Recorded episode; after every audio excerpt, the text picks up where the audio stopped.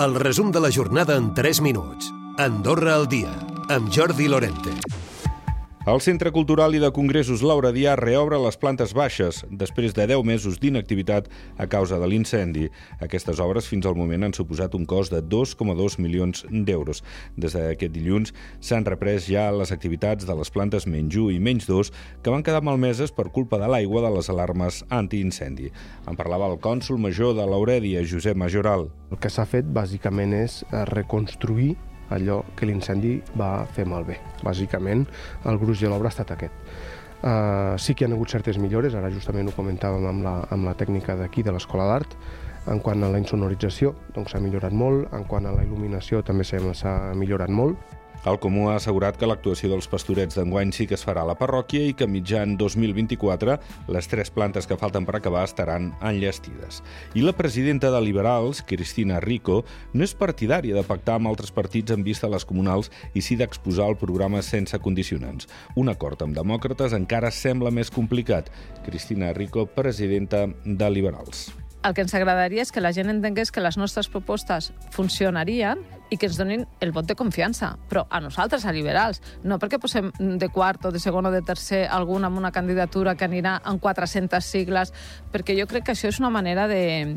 és poc democràtic. A mi sempre m'ha semblat que això és poc democràtic.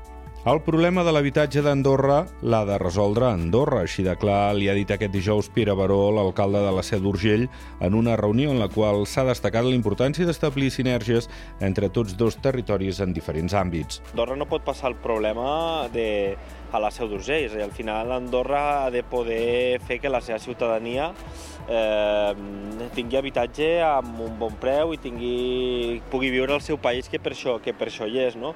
Si Andorra, o en aquest cas el govern, no sap com gestionar-ho, doncs eh, que ho digui. No?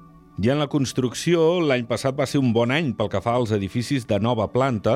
Es va autoritzar construir més de 200.000 metres quadrats de superfície, que representen un augment del 10% respecte al 2021.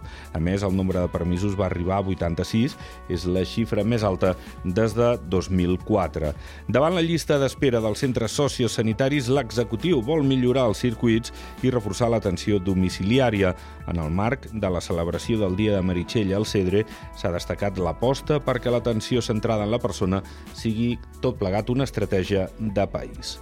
I el nou aparcament del Falgaró tindrà un cost global de 7,5 milions d'euros i a la part superior hi haurà dues pistes de tennis que substituiran les que hi ha al Prat del Roure.